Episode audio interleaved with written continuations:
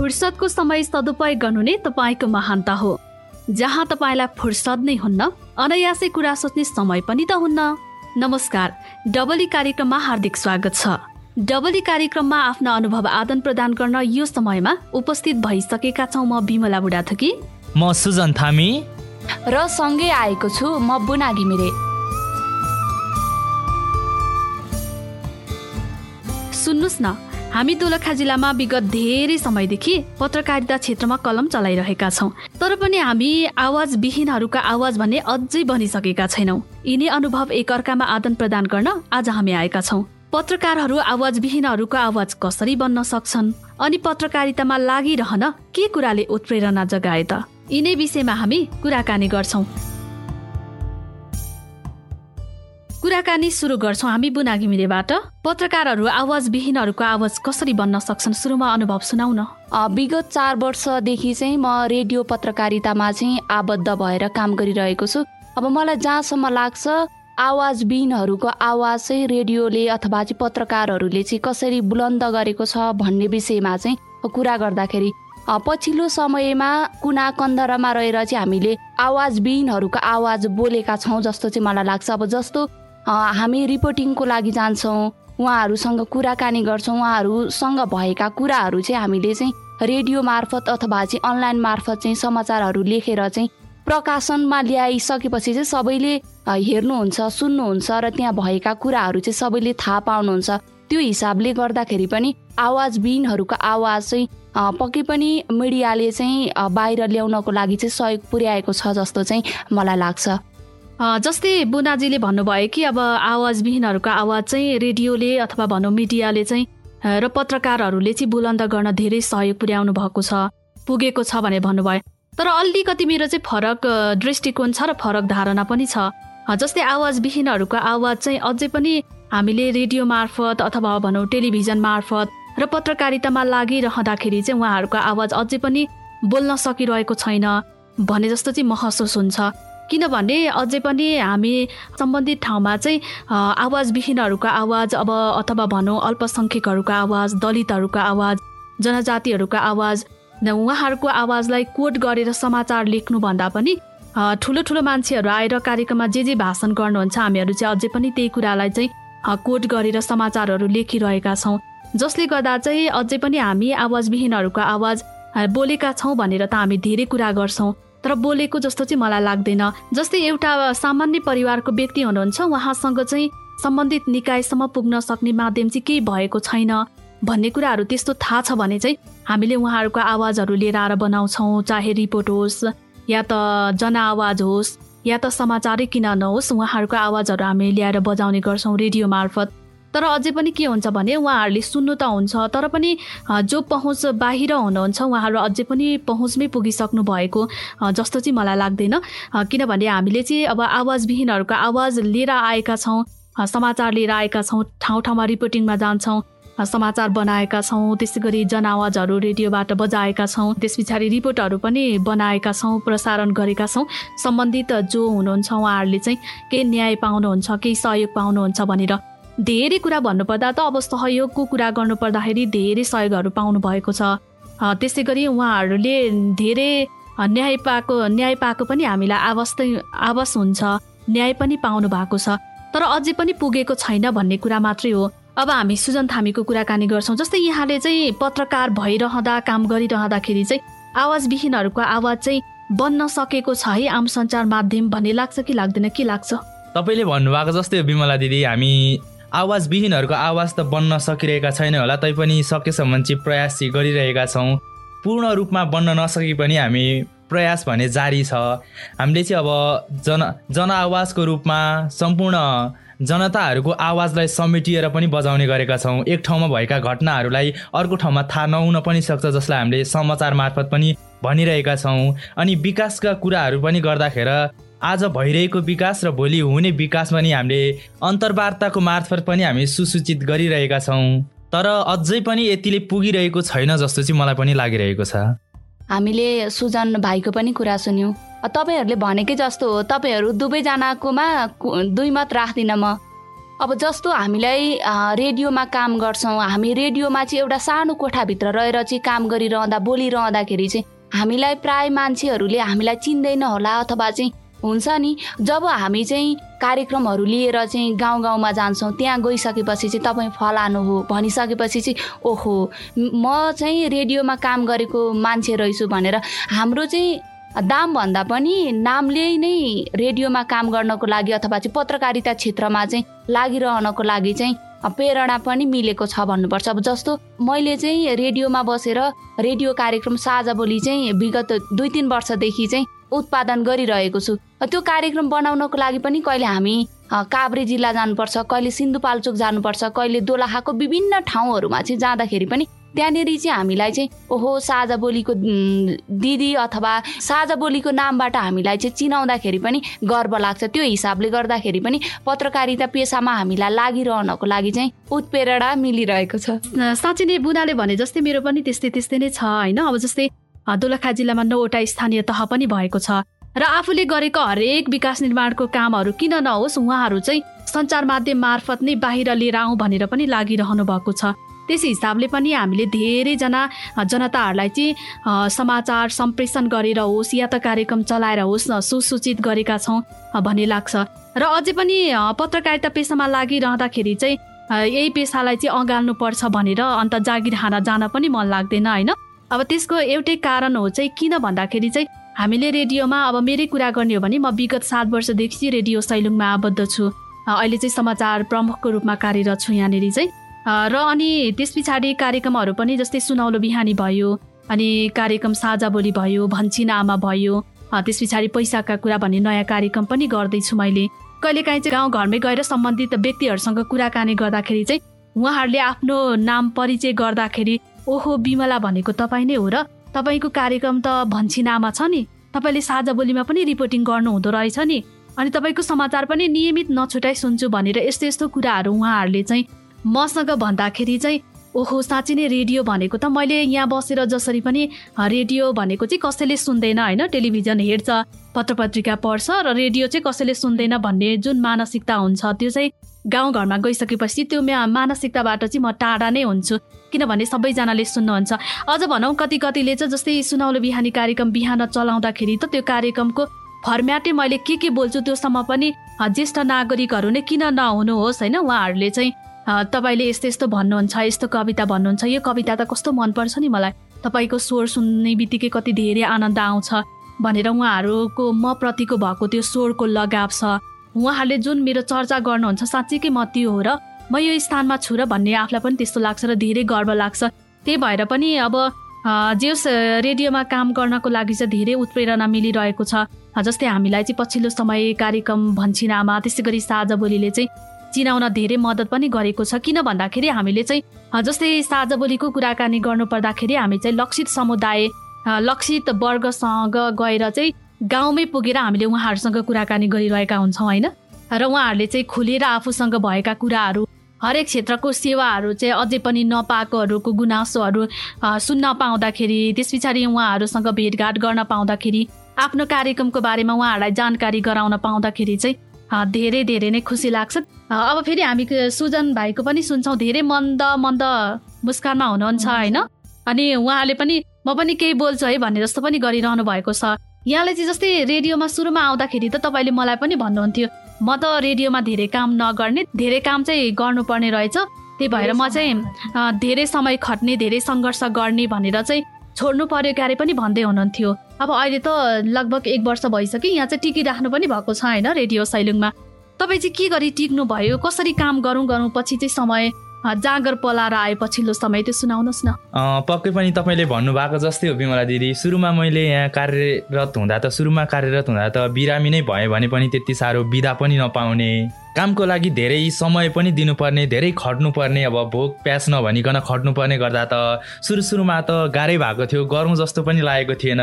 पछि जब हामी अब रिपोर्टिङका लागि गयौँ जनआवाजका लागि गयौँ अब स्थानीय तहमा पुग्न नसके पनि चरीकोटमै भेटिएका स्थानीय बासिन्दाहरूसँग र कतिपय स्थानीय ठाउँहरूमा पनि गयौँ जनआवाजका लागि रिपोर्टिङका लागि पनि गएका थियौँ। उहाँहरूलाई सोद्धाखेरि अब वर्तमान अवस्थामा भएको परिवर्तनहरू समस्याहरू अनि पछि पाउने सेवा सुविधाहरू र अहिले पाइराख्नुभएका सेवा सुविधाहरू उनीहरूलाई के के पाउनु भएको छ यस्तो सोद्धाखेरि पनि एकदम उत्साहित भएर भन्नुहुन्थ्यो। त्यसले पनि मलाई प्रेरणाहरू दिइरहेको थियो।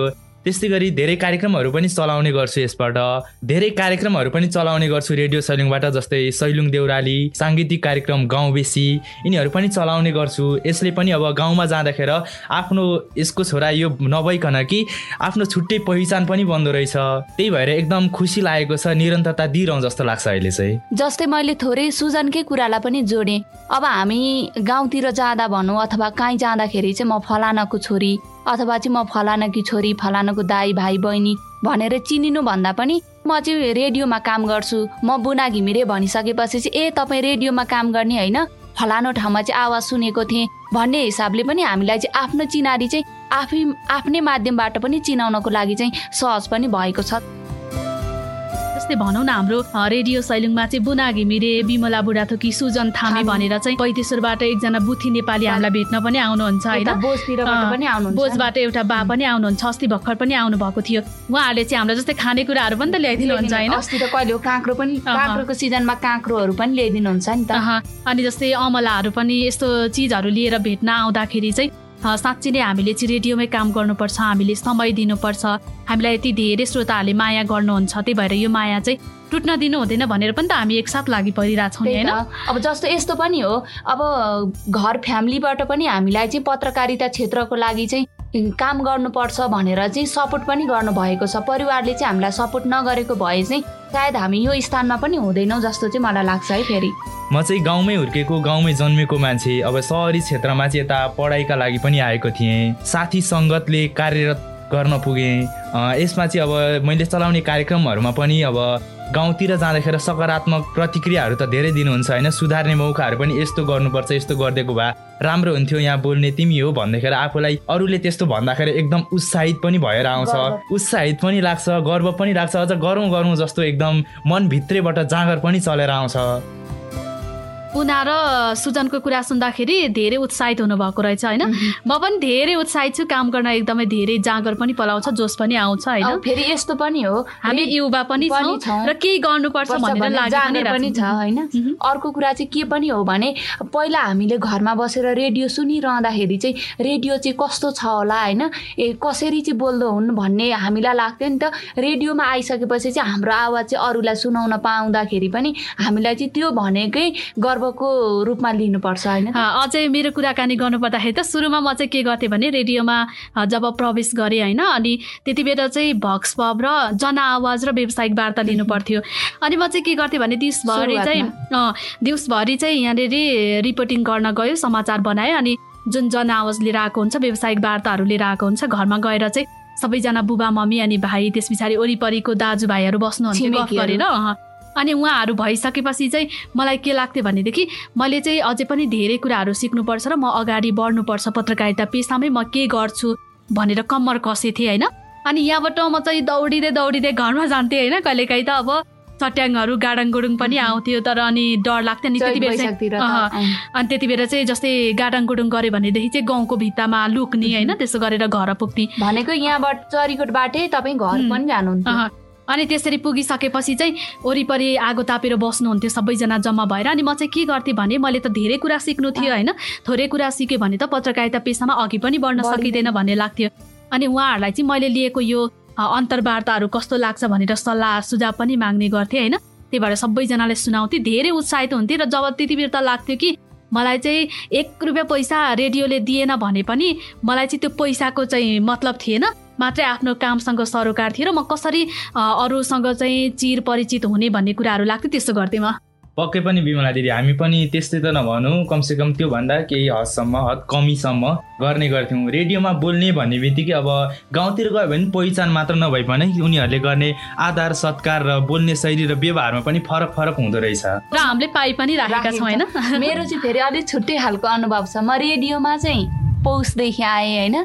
मैले चाहिँ घरतिर घरमा चाहिँ थाहा थियो क्यारे रेडियोमा काम गर्छु भन्ने कुरा। भागेर त भागेर चाहिँ होइन होइन। पढ्नको लागि यता आएँ अनि ठ्याक्कै रेडियोमा काम गर्ने अवसर पनि मिल्यो। छ सात महिना एक वर्षसम्म चाहिँ कसैलाई पनि भनिनँ कि भनेको परिवारलाई त भनिहालेँ। गाउँ घरतिर चाहिँ रेडियोमा काम गर्ने कसैले नाम सुनेन होइन होइन भन्ने टाइपको के के भन्ने हुन् भन्ने टाइपको हो। त्यस्तो पनि गरियो। पछाडि पछाडि चाहिँ सबैजनाले ए फलानाको छोरी चाहिँ एफएममा काम गर्दो रहेछ भनिसकेपछि चाहिँ ओहो भन्नुपर्ने रहेछ अनि त्यहाँबाट चाहिँ मैले म रेडियोमा काम गर्छु भन्दै म पनि भन्दै हिँड्न थालेँ कि। जे होस् हामीलाई चाहिँ अब सुरु सुरुमा भन्दाखेरि अहिले चाहिँ आफ्नै नामबाट चिनाउन सहयोग पुगेको छ होइन? सबैजनालाई चाहिँ परिचय गर्ने ठाउँ होस् कुनै कार्यक्रम हुँदा होस् उहाँहरूले सोचेको भन्दा हामी व्यक्ति त फरक नै छौँ होइन? उहाँहरूले अब यस्तो हुनुहुन्थ्यो उस्तो हुनुहुन्थ्यो भनेर कल्पना गर्नुभन्दा त उहाँहरूले फरक भेटाउनुहुन्छ तैपनि ओहो यस्तो कामहरू गर्नुपर्छ भनेर जस पहिला र पछिमा अहिले सुरुवातीमा जस्तो यस्तो पत्रकारिताको सुरुवातीको चरणमा भन्दा अहिले जीवनमा धेरै परिवर्तन पनि आएको आइसकेको र हामीले समाचारहरू सम्प्रेषण गर्दा पनि जस कसैलाई हामीले न्याय पनि दिलाउन सकिरहेका छौँ होइन? र न्यायको लागि चाहिँ हामी आफै चाहिँ के भन्छ रेडियो मार्फत बोलिरहेका छौँ त्यसमा पनि हामीलाई गर्व लाग्छ। अब जस्तो यस्तो पनि हो नि। अब जस्तो हामीले चाहिँ लक्षित समुदायको आवाज चाहिँ हामीले बोलिदिने हो। हो कि होइन? हामीले बोलिदिन्छौँ त्यस पछाडि त्यो आवाज चाहिँ सम्बन्धित व्यक्तिसम्म पुगेर चाहिँ समाधानको लागि पनि केही सहयोग त पुगेको छ नि। अब हामी एकैछिन चाहिँ समस्याको कुराकानी गर्छौँ होइन? समस्या भएन भनेदेखि त समाधानको विकल्प पनि हुँदैन र हामी अघि पनि बढ्न सक्दैनौँ। यहाँहरूले चाहिँ कस्तो समस्या भोग्नु भएको थियो? मबाट सुरु गरौँ। जस्तै मेरै कुराकानी गर्नु पर्दाखेरि चाहिँ हामी महिला भएर पत्रकारिता पेसामा लागिरहँदाखेरि चाहिँ पत्रकार बन्नको लागि चाहिँ धेरै नै समस्या हुँदो रहेछ। किनभने कुनै कार्यक्रममा चाहिँ फ्याट बोलाएको हुन्छ आयोजक टिमले। तर त्यहाँ चाहिँ अब हामीसँग पर्याप्त साधन पनि छैन होइन? त्यसो हुँदाखेरि चाहिँ हामी त्यहाँनिर पुग्न पनि सकिरहेका हुँदैनौँ। महिलाकै क्षेत्रमा काम गर्दाखेरि र कुरा गर्दाखेरि त धेरै नै समस्या छ। जस्तै पुरुषहरूसँग हिँड्यो भने पनि उनीहरूसँगै अब पुरुष जोसँग हिँडेको छ पुरुषसँग नाम जोडिहाल्ने होइन अब हाम्रो समाजमा। पत्रकारिता क्षेत्रमा पनि यस्तो विकृतिका कुराहरू चाहिँ आउँछन् नै। अनि त्यस पछाडि अर्को भनेको कार्यक्रममा चाहिँ भनेको समयमा पुग्नै नसक्ने पुगिहाल्यो भने पनि कहिलेकाहीँ कार्यक्रम सकिएको समयमा अथवा सकिसकेपछि पुग्ने।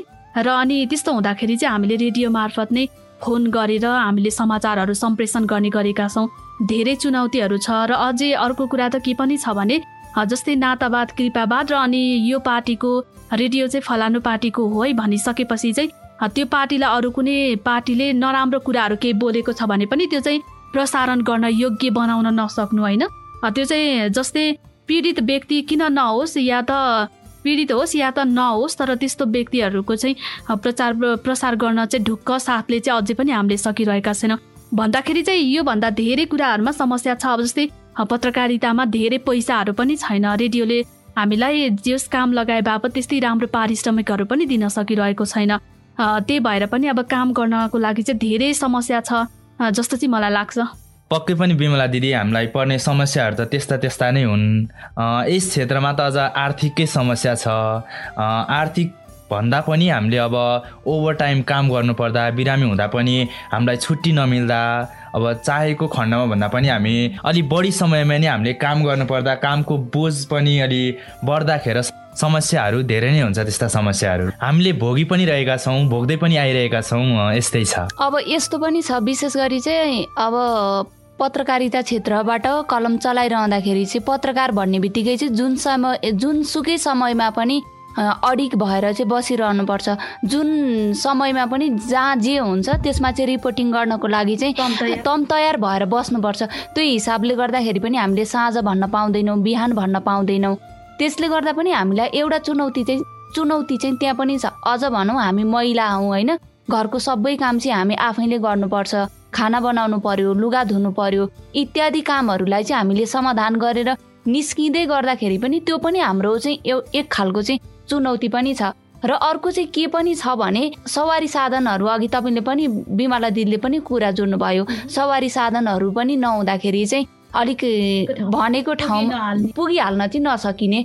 त्यो हिसाबले गर्दाखेरि पनि विश्वास चाहिँ विशेष गरी महिलालाई भन्दा पनि जेन्ट्स पत्रकारहरूलाई मात्रै चाहिँ विश्वास गरिएको हो कि जस्तो चाहिँ मलाई लाग्छ। पत्रकार महिलाहरू भनेको चाहिँ अब के नै हो र होइन त्यो हिसाबले पनि हेर्ने गर्दाखेरि चाहिँ अलिकति समस्या छ। अब पछिल्लो समय दोलखाकै कुरा कानी गर्ने हो भने पनि अब महिला पत्रकारहरू चाहिँ दोलखा जिल्लामा धेरै मात्रामा नै हुनुहुन्छ होइन। उहाँहरूले चाहिँ विभिन्न सञ्चार माध्यममा चाहिँ आबद्ध भएर चाहिँ काम गरिरहनु भएको छ।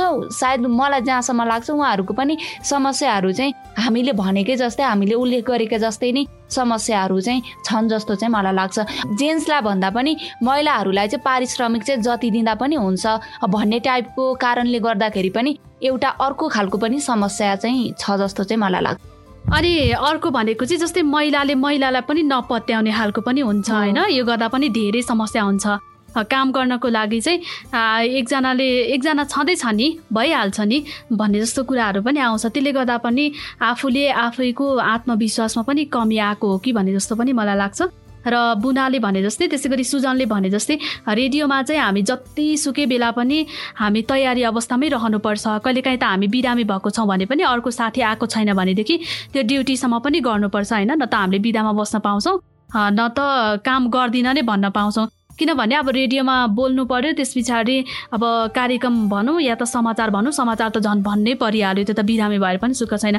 भन्दाखेरि जिउस यति धेरै समस्याहरू छ तैपनि हामी समस्याहरूलाई चिर्दै अगाडि बढ्ने प्रयास गरिरहेका छौँ आगामी दिनमा पनि गर्छौँ होइन?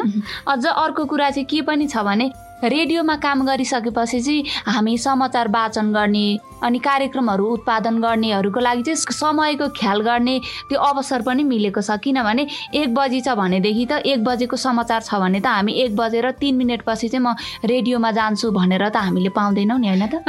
त्यही भएर हामी कार्यक्रममा पनि अरूभन्दा छिटो नै पुग्ने गरेका छौँ होइन? एकदम निर्धारित समयमा नै पुग्ने गरेका छौँ। के कसो सुजन?